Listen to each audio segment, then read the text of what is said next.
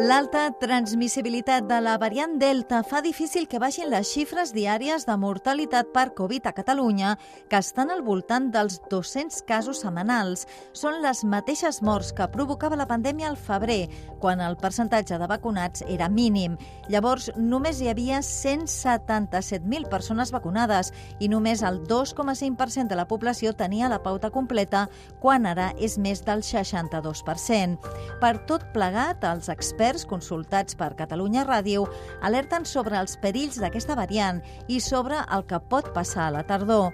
Argumenten que no és clar que la variant Delta sigui més greu, però que és tan altament transmissible que està infectant grups de població que no s'havien vist afectats fins ara.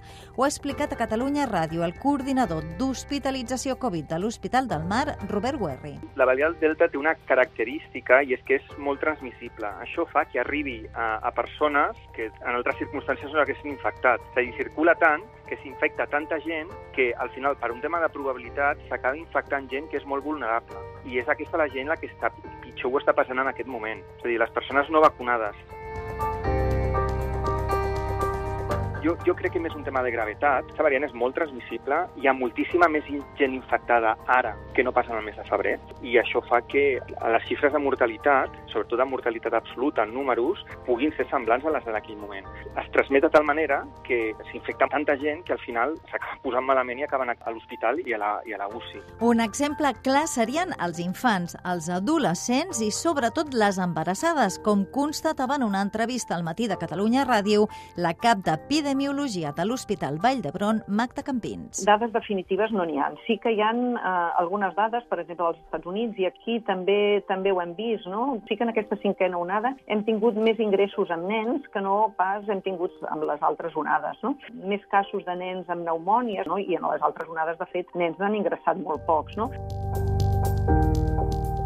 La diferència important respecte a les altres onades ara ha sigut el tema de les gestants. Sí que té un comportament greu, un comportament de risc més alt de complicacions, més risc de pneumònia, més risc de preeclàmpsia i no només té una traducció important per les gestants, sinó també de cara als futurs recient nascuts. No? Moltes vegades, dintre del tractament d'aquestes gestants que estan greus, doncs se'ls ha de fer una, una cesària. Llavors, això comporta més parts prematurs. No?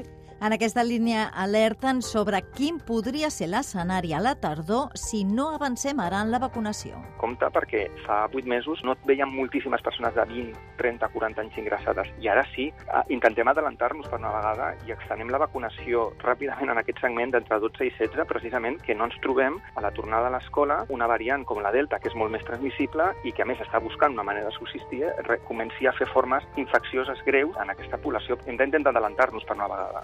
Precisament la perillositat d'aquesta variant fa que els experts donin per fet que hi haurà noves onades i alerten alerten sobre els efectes del virus, sobretot en gent no vacunada, quan baixin les temperatures i coincideixi amb altres infeccions com la grip.